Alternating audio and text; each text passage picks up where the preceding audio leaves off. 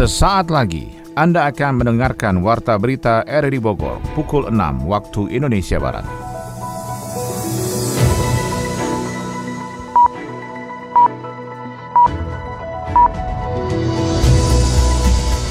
Selamat pagi dan salam jumpa. Kembali kami hadir dalam Warta Berita edisi hari ini, Selasa 7 September 2021. Siaran ini juga Anda dengarkan lewat audio streaming di RRI Play pada perangkat smartphone Anda dan juga turut disiarkan Radio Tegar Beriman Kabupaten Bogor, Jawa Barat. Berita utama hari ini adalah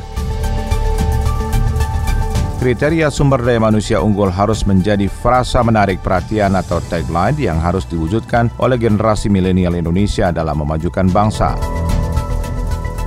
Evaluasi uji coba ganjil genap, Polres Bogor menyiapkan tambahan titik penyekatan untuk sepeda motor. Tapi kalau dilihat memang tetap ada penerapan one way karena ternyata jumlah kendaraan juga begitu besar. Bersama saya Maulana Isnarto, inilah Warta Berita selengkapnya.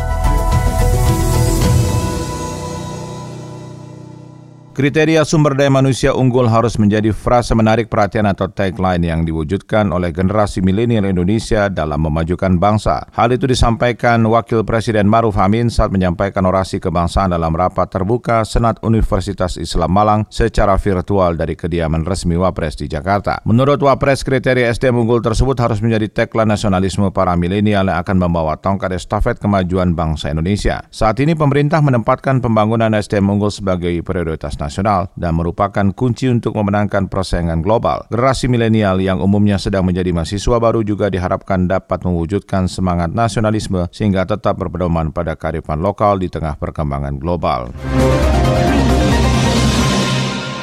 Evaluasi uji coba ganjil genap Polres Bogor menyiapkan tambahan titik penyekatan untuk sepeda motor. Laporan yang disampaikan Sony Agung Saputra. Forum Komunikasi Pimpinan Daerah Forkominda Kabupaten Bogor menyiapkan sejumlah parameter evaluasi uji coba program ganjil genap di kawasan Puncak dan Sentul saat berlangsungnya PPKM level 3. Dalam akhir pekan lalu, Polres Bogor bersama Dinas Perhubungan dan Satpol PP Kabupaten Bogor melakukan uji coba penyekatan di kawasan Puncak dengan mengoptimalkan penyekatan di kawasan Simpang Gadok. Anggota Komite Percepatan Pembangunan Pemkap Bogor, Saifuddin Muhtar, menjelaskan, memang kawasan puncak menjadi perhatian saat PPKM level 3 ini agar tidak terjadi kerumunan saat kepadatan kendaraan di akhir pekan. Dari hasil pengamatan saat pelaksanaan uji coba program ganjil genap memang terjadi penurunan angka arus lalu lintas untuk mobil karena petugas yang optimal dalam menjaga di titik penyekatan. Petugas langsung memutarbalikan arus kendaraan untuk pengendara yang tidak sesuai dengan peruntukan tanggal. Sedangkan perhatian harus tertuju pada arus sepeda motor agar bisa tertib dalam mengikuti aturan. Pemerintah daerah juga bersama kepolisian dan Forkopimda menerapkan uji coba untuk ganjil genap. Kondisi ganjil genap memang sangat luar biasa. Kemarin itu kita di hari Jumat agak sedikit mereduksi. Hari hmm. Sabtu itu kita lihat juga ada pengurangan sebetulnya dari dari Sabtu yang lalu. Tapi kalau dilihat memang tetap ada penerapan one way karena ternyata jumlah kendaraan juga begitu besar. Termasuk kemarin di hari ketiga pemberlakuan uji coba ganjil genap itu ternyata kalau kendaraan bisa kita sekat tapi ternyata kendaraan roda dua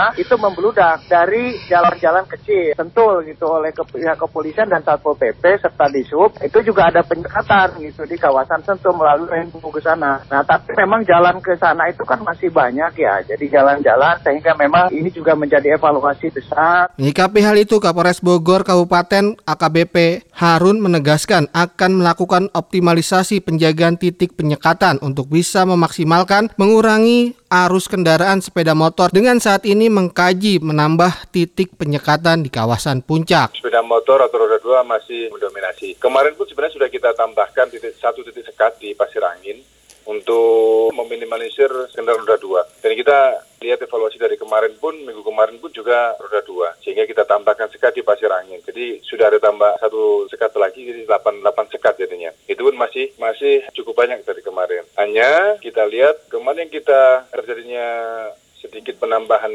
roda dua masih masih lumayan banyak itu karena kalau kita lihat dari wilayah sebelah kita yaitu Cianjur ini kalau kita evaluasi mereka hanya melaksanakan kaki itu di awal-awal di pagi. Kemudian di sore ini sudah tidak tidak melaksanakan sehingga loss dari bawah Evaluasi Porkominda akan membahas dasar hukum dalam pelaksanaan program ganjil genap di puncak karena jalan negara masuk dalam ranah pemerintah pusat. Meski pandemi COVID-19 masih ada, reformasi pendidikan berbasis teknologi modern perlu diterapkan untuk menjadikan SDM yang berkualitas dan berdaya saing global. Adi Fajar melaporkan. Dunia pendidikan terkena dampak besar dari adanya pandemi COVID-19.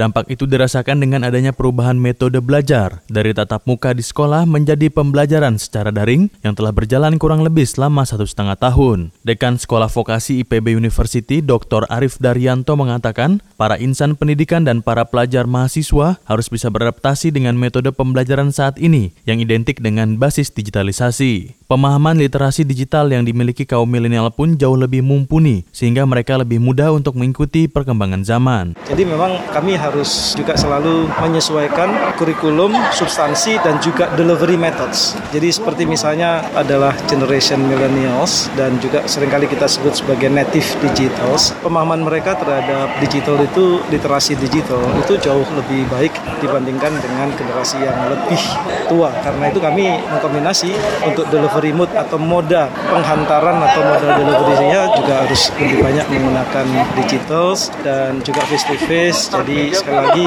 harus selalu diupdate. Tantangan kurikulum pendidikan saat ini ialah harus menyesuaikan perkembangan zaman era digitalisasi pendidikan. Menurut Arif, metode yang cocok diimplementasikan dalam dunia pendidikan saat ini adalah dengan mengkombinasikan konsep pembelajaran berbasis teoritikal dan praktikal menggunakan teknologi digital. Saya kira ini tantangan buat kita bersama bahwa tidak sekedar substansi kurikulum tetapi bagaimana mendeliver jadi bagaimana mengkombinasikan antara sinkronius dan unsinkronius bahkan anak-anak muda itu senang dengan pengantaran misalnya kuliah yang berupa gamification lalu kemudian juga bagaimana kita menggunakan augmented reality sebagai teknologi pembelajaran yang baru lalu bagaimana juga menggunakan expanded realities ya di lapangan tridimensional dan 3D printing. Ini yang kemudian kita laksanakan untuk updated kurikulum substansi dan juga delivery. Skema pembelajaran tatap muka pun saat ini telah direncanakan oleh pemerintah khususnya bagi wilayah yang telah masuk zona hijau. Meski nantinya dunia pendidikan akan kembali dengan sistem tatap muka, namun reformasi pendidikan berbasis teknologi modern harus tetap diterapkan. Jadi sabarahaan tuh mang bukunya? Sebentar dihitung dulu. 6 kali 1000.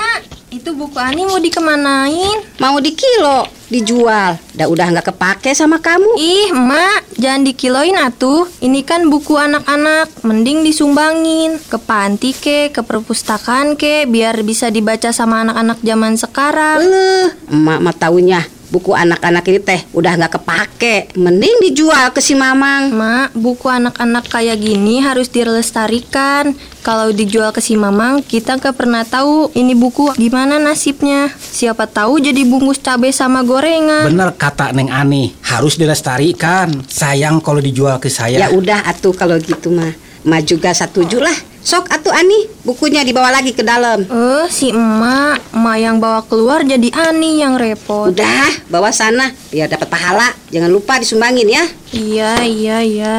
Anggota DPRD Kabupaten Bogor melakukan sidak ke sejumlah prasarana, fasilitas, dan utilitas berupa lahan yang menjadi kewajiban para pengembang di Kabupaten Bogor. Yofri Haryadi melaporkan. Anggota DPRD Kabupaten Bogor melakukan sidak ke sejumlah prasarana, fasilitas, dan utilitas PSU berupa lahan yang menjadi kewajiban para pengembang di Kabupaten Bogor. Dari data Komisi 3 DPRD Kabupaten Bogor tercatat 833 perusahaan pengembang atau developer yang ternyata hanya 206 pengembang saja yang menyerahkan sebagian lahannya untuk sarana umum yang peruntukannya akan dialokasikan Pemkap Bogor untuk kepentingan pembangunan jalan, sekolah, puskesmas, bahkan kantor pemerintahan atau keamanan mulai dari pospol, poster, hingga kantor polsek atau koramil. Salah satu lokasi yang menjadi target sidak tersebut adalah Desa Telajung Udik, Kecamatan Gunung Putri Bogor. Dan di RT 2 RW 5 Desa Telajung Udik Gunung Putri Bogor, anggota Komisi 2 DPRD dari Partai Demokrat M. Hanafi menilai ada ketidakcermatan Pemkap Bogor saat penyerahan PSU dari developer. Lahan yang diserahkan ternyata lahan yang mati karena berada di tengah kepungan bangunan tanpa akses masuk menuju lokasi. Bisa dikatakan teledor karena nah. menyerah menerima PSU tapi nggak masih kan akses jalannya. Tradernya di situ.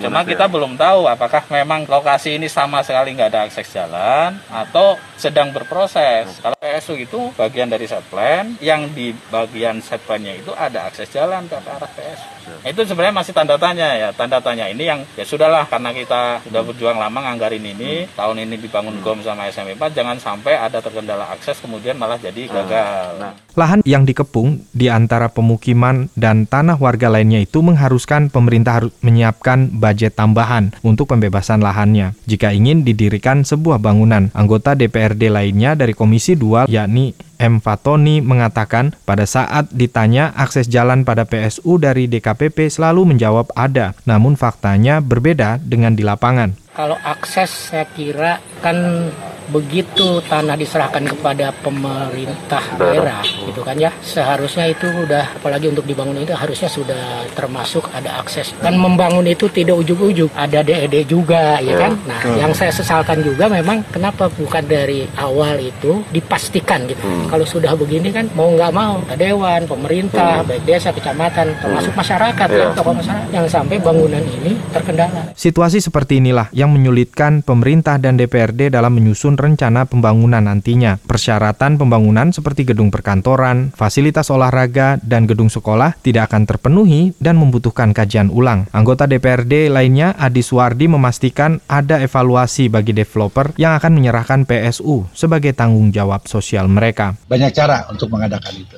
Nah itulah saya tegaskan tadi DPKPP, lakukan komunikasi yang terbaik sehingga di dalam pelaksanaan pembangunan berjalan lancar dan penggunaannya pun tidak ada masalah. Jangan sampai nanti penggunaan ditutup oleh yang pemilik tanah karena jalan belum selesai. Selesainya itu kan banyak. Ada selesai dengan pembicaraan lisan, dengan tulisan, ngasih begitu saja, hibah atau apa sebutan atau dibeli atau apa sewa segala macam. Silahkan komunikasi lakukan oleh dinas. Saya yakin para pemilik tanah yang mungkin kena dengan peruntukan jalan namanya untuk sarana umum di pendidikan dan di situ juga nanti ada puskesmas bahkan ada kantor desa setelah Jumuduk ada masjid artinya kita bicara kepentingan umum tapi jangan sampai ada satu orang pun yang merasa teraniaya. Masih ada 627 developer atau perusahaan pengembang di Kabupaten Bogor yang belum menyerahkan PSU. Sementara izin proyek mereka sudah terbit dan mulai memasarkan produknya dan membuat bangunan contoh. Namun sayang, Perda Prasarana dan Utilitas PSU tidak dijalankan maksimal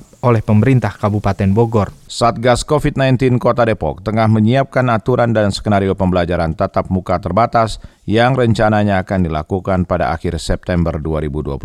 Adi Fajar melaporkan. Pemerintah Kota Depok masih melakukan sejumlah persiapan untuk mematangkan pelaksanaan pembelajaran tatap muka secara terbatas. Pelaksanaan PTM tentunya tidak bisa dilakukan terburu-buru, mengingat insan pendidikan selama ini berkontribusi besar terhadap pencegahan lonjakan kasus COVID-19 selama masa pandemi. Juru bicara Satgas COVID-19 Kota Depok, Dadang Wihana mengatakan, sesuai dengan instruksi Mendagri dan arahan Wali Kota Depok, saat ini pembelajaran siswa masih dilakukan secara daring sambil mempersiapkan kematangan aturan dan skenario terhadap pelaksanaan PTM terbatas. Rencananya jika tidak ada halangan, Pemkot Depok dikatakan Dadang akan mulai melakukan pembelajaran tatap muka terbatas pada minggu ketiga September 2021. Di dalam implementasi arahan dari Mendagri, di dalam Kepwal, Wali Kota yang sudah disusun, untuk pembelajaran di Depok saat ini dilaksanakan secara daring dalam arti sambil mempersiapkan pelaksanaan PTM terbatas yang direncanakan kalau tidak ada halangan dimulai setelah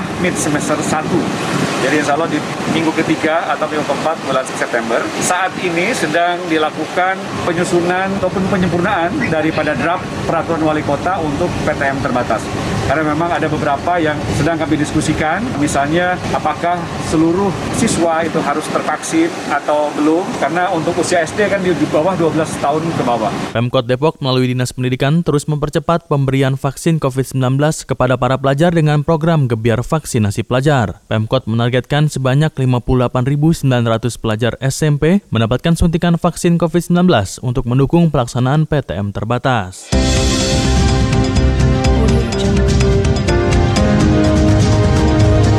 Anda tengah mendengarkan Warta Berita RRI Bogor. Saudara, bertahan di tengah pandemi sebagai perajin sapu lidi merupakan topik liputan khusus kami pada hari ini. Selengkapnya disampaikan Yofri Haryadi. dalamin.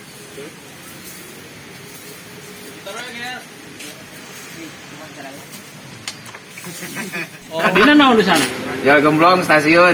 Kan stasiun dibubarkan wae ku Satpol PP, security, ku KS, gemblong. kepala Ya. stasiun, bubarkan, bubarkan ulah ngarumpul jangan jelema aya dagang mah teu ngumpul ku mah harus narik beli. Di tengah Dari pandemi Mega. COVID-19 tidak selamanya membawa penderitaan dan kedukaan bagi masyarakat yang kehilangan mata pencahariannya, baik pekerja maupun wirausaha. Ada hikmah di balik masa pandemik ini, terutama mereka yang berani mengambil resiko berganti profesi. Seperti itulah gambaran Muhammad Ridho dan keponakannya Asep yang tinggal di Kampung Gadok Inspeksi Desa Gadok Megamendung Bogor. Paman dan keponakan yang sebelumnya adalah pedagang gemblong di stasiun Bogor beralih sebagai perajin sapu lidi. Dari pandemi Kang. Dua tahun berarti. Iya. Nah bahan-bahannya ini gimana ini? Dapatnya dari mana? Sukabumi. Emang di sini nggak ada ini? Ada di sini cuma sulit udah terlalu banyak orangnya mah jadi jauh juga sama hampir sama kalau di sana kan kita tinggal ngorder nanti sediain Pohon kelapa masih banyak ya di sana. Iya, kebun kelapa sawit dimanfaatin itu emak-emaknya yang nggak ada kerja sambil ngobrol nyelutin gitu kan. Jadi datang ke sini udah jadi lidi ya, nggak ada. Kita ngambil ke sana. Ngambil Iya, sana. cuman di sini Hmm. diikat, dirapiin iya, di sini. Kita ngambil ke sana. Emang dulunya udah pernah Udah pernah dulu sebelum pandemi, dulu dagang kayak gini. Tinggalin mas saya udah capek, keliling-keliling. Beralih ke gemblong, jual gemblong. Anak empat. Paling bontot ini kan. Bontot. Laki tiga. Laki asli tiga. Asli kan nama lahir mati Medan. Selama menjadi PKL di stasiun Bogor, Muhammad Ridho kerap berbenturan dengan petugas penegak perda. Hingga akhirnya Satpol PP menertibkan semua lapak-lapak PKL dengan alasan PPKM untuk menghindari kerumunan. Kita rajin kita pisahin yang pendek, yang pendek, yang panjang, panjang. Nanti kita pisahin. Kalau kita rajin itu kita pisahin. Yang pendek kita ambil, pisahin. Yang panjang kita pisahin lagi. Kan dari sananya yang hiji semua. Ntar kalau udah mau habis pesan lagi. Putaran. maksudnya. Pendapatan uang. Nggak tentu. Paling paling biasanya berapa? Kalau dagang full ya. Tapi kita kita nggak dagang full, kadang hujan, setengah hari pulang. Hitungan kadang berapa? bahan di sana nggak ada, pulang lagi nggak ada bahan. Biasanya berapa tuh kalau gitu? Ya. Ya, biasanya paling terendah dan paling tertingginya. Paling omsetnya paling omset omset ya, gope, Ya. paling omsetnya 400, omset beli. Oh sehari penjualan. penjualan omset Iya. ya. Dari itu berapa persen dapat? Kalau ini mah beda-beda. Kalau ini mah dikit tipis, yang nggak pakai gagang gini. Kalau gini mah ini ini yang bantu ini pakai gagang gini, cuma modalin lagi, awi, Oh. karet, kemudian deh, nguliin lagi itu sama orang ribu. Kalau dari 400 untung berapa? Bisa bisa 180, hampir setengahnya lah.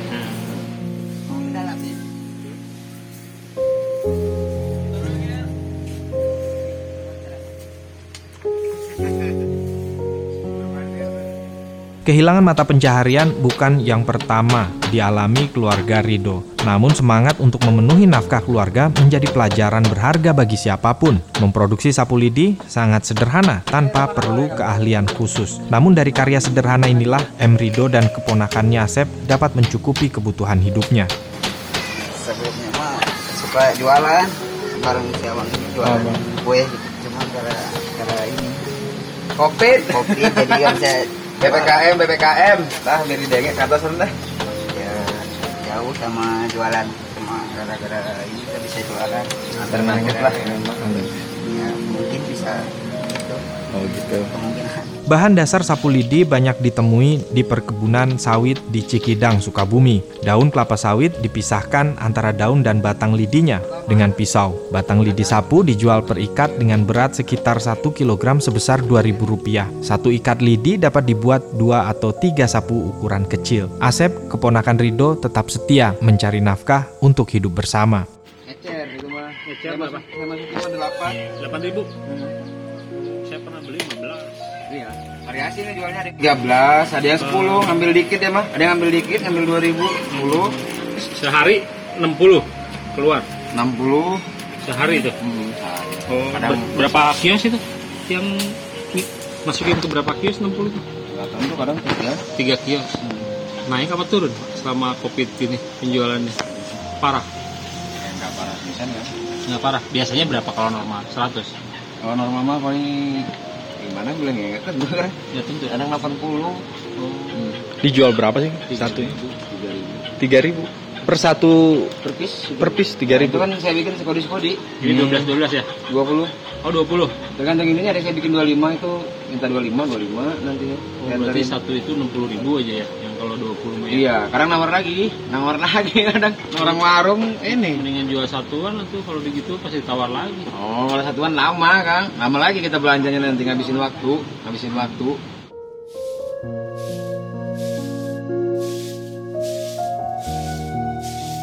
Bapak empat anak dan satu keponakan tinggal di dalam rumah separuh gubuk berukuran 40 meter persegi dibangun di atas tanah negara. KTP mereka beralamat Sukabumi, merantau dari Medan dan tinggal di atas tanah sewa BKSDA Provinsi Jawa Barat. Dan inilah yang menjadikan Rido dan keluarganya selalu terlewat dalam pendataan berbagai program bantuan sosial. Meski pendapatannya minim, gambaran Rido menjadi simbol kerja keras dan kemandirian.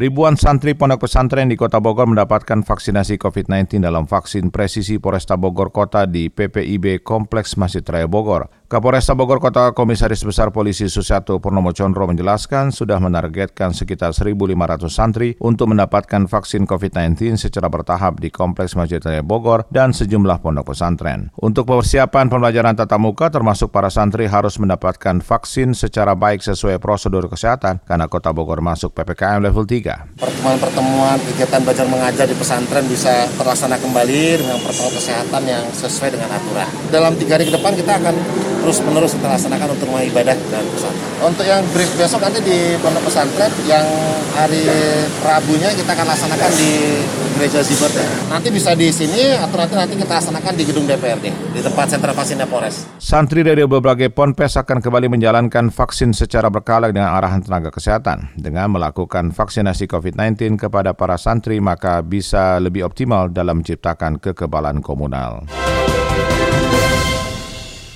Dari dunia ekonomi, Menteri BUMN Erick Thohir berharap UMKM bisa menjadi roda pemerataan ekonomi. Sementara itu, industri keramik masih mampu menjaga stabilitas kinerja di tengah pemulihan ekonomi nasional dan banjir produk impor. Dua info ekonomi akan disampaikan Adi Fajar Nugraha. Menteri BUMN Erick Thohir berharap UMKM bisa menjadi roda pemerataan ekonomi. Erick tidak ingin ada jarak antara si kaya dan si miskin yang semakin jauh. Kementerian BUMN dan Kementerian Koperasi dan UKM menggelar acara Pasar Digital UMKM Indonesia atau PADI UMKM untuk mendukung perkembangan UMKM di Indonesia. Dengan adanya acara ini, Erick berharap bisa menggerakkan roda perekonomian yang sempat terpuruk. Erick menjelaskan acara itu diharapkan bisa memberikan kontribusi positif untuk kemajuan UMKM. Ia optimis melalui PADI UMKM yang diikuti diikuti oleh UMKM non-BUMN bisa menjadi jalan untuk naik kelas. Erik mengungkapkan transaksi UMKM di Indonesia hingga akhir Agustus mencapai 10,9 triliun rupiah. UMKM dinilai menjadi salah satu tulang punggung perekonomian di Indonesia. Menurut Erik, dengan nilai itu menjadi bukti bagaimana kuatnya UMKM dengan dibantu dukungan pemerintah untuk meningkatkan perekonomian di Indonesia. Industri keramik masih mampu menjaga stabilitas kinerja di tengah pemulihan ekonomi nasional dan banjir produk impor. Ketua Umum Asosiasi Aneka Keramik Indonesia, Asaki, Edi Suyanto mengatakan, utilitas industri sepanjang tahun ini akan berada di level 70 persen, turun dari target sebelumnya mencapai 75 persen. Namun angka tersebut masih akan menjadi yang tertinggi dalam lima tahun terakhir, yang pada tahun 2020 mencapai 56 persen dan pada 2019 sebesar 65 persen. Selain itu, kinerja industri sampai dengan awal September Desember 2021 masih pada jalurnya untuk memenuhi target kapasitas produksi tahun ini. Pada Agustus, sebagai dampak dari PPKM darurat, kapasitas produksi mengalami penurunan ke level 65%. Ia juga mengatakan kinerja yang baik tersebut menunjukkan efektivitas kebijakan pemerintah yang memberikan stimulus harga gas sebesar 6 US dollar per MMBTU yang diberlakukan sejak April 2021. Membaiknya daya saing industri keramik nasional juga tercermin lewat kinerja ekspor keramik di mana tahun lalu mampu bertumbuh 30% dan semester 1 2021 naik sebesar 23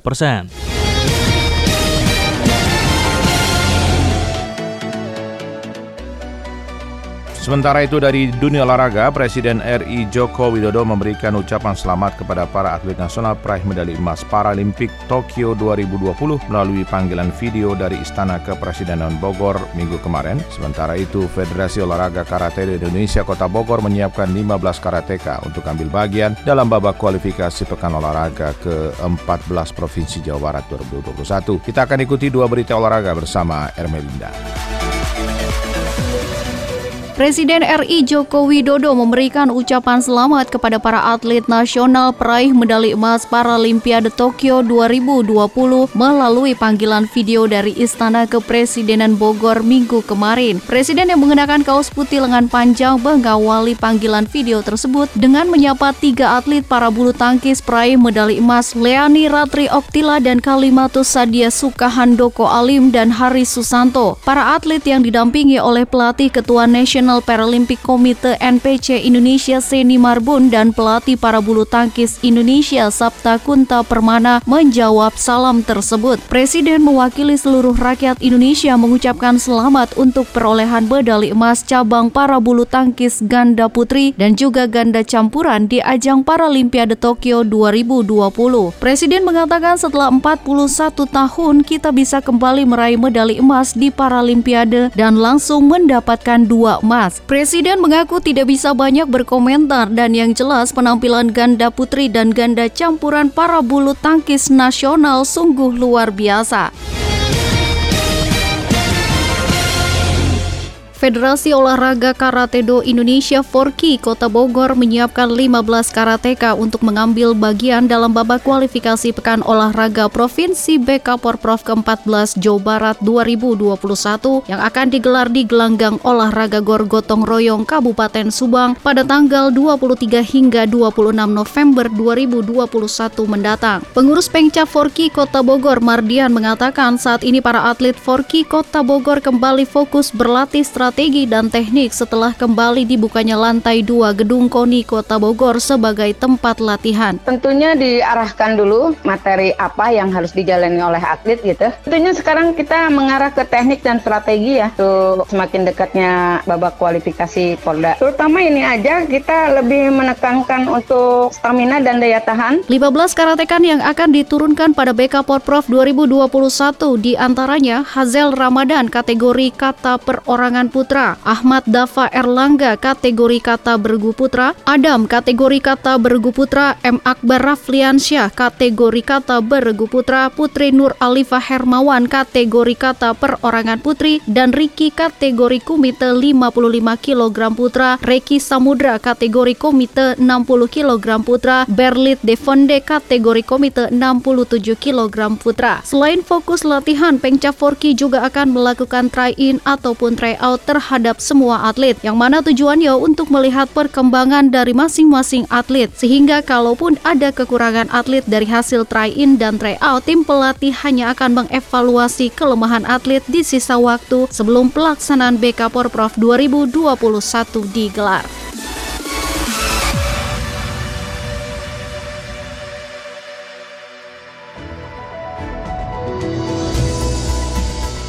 Demikian rangkaian informasi dalam Warta Berita di edisi hari ini. Sebelum berpisah kami sampaikan berita utama. Kriteria sumber daya manusia unggul harus menjadi frasa menarik perhatian atau tagline yang harus diwujudkan oleh generasi milenial Indonesia dalam memajukan bangsa. Evaluasi uji coba ganjil genap, Polres Bogor menyiapkan tambahan titik penyekatan untuk sepeda motor. Dan akhirnya saya Maulana Isnarto mengucapkan terima kasih atas perhatian Anda. Selamat pagi, sampai jumpa.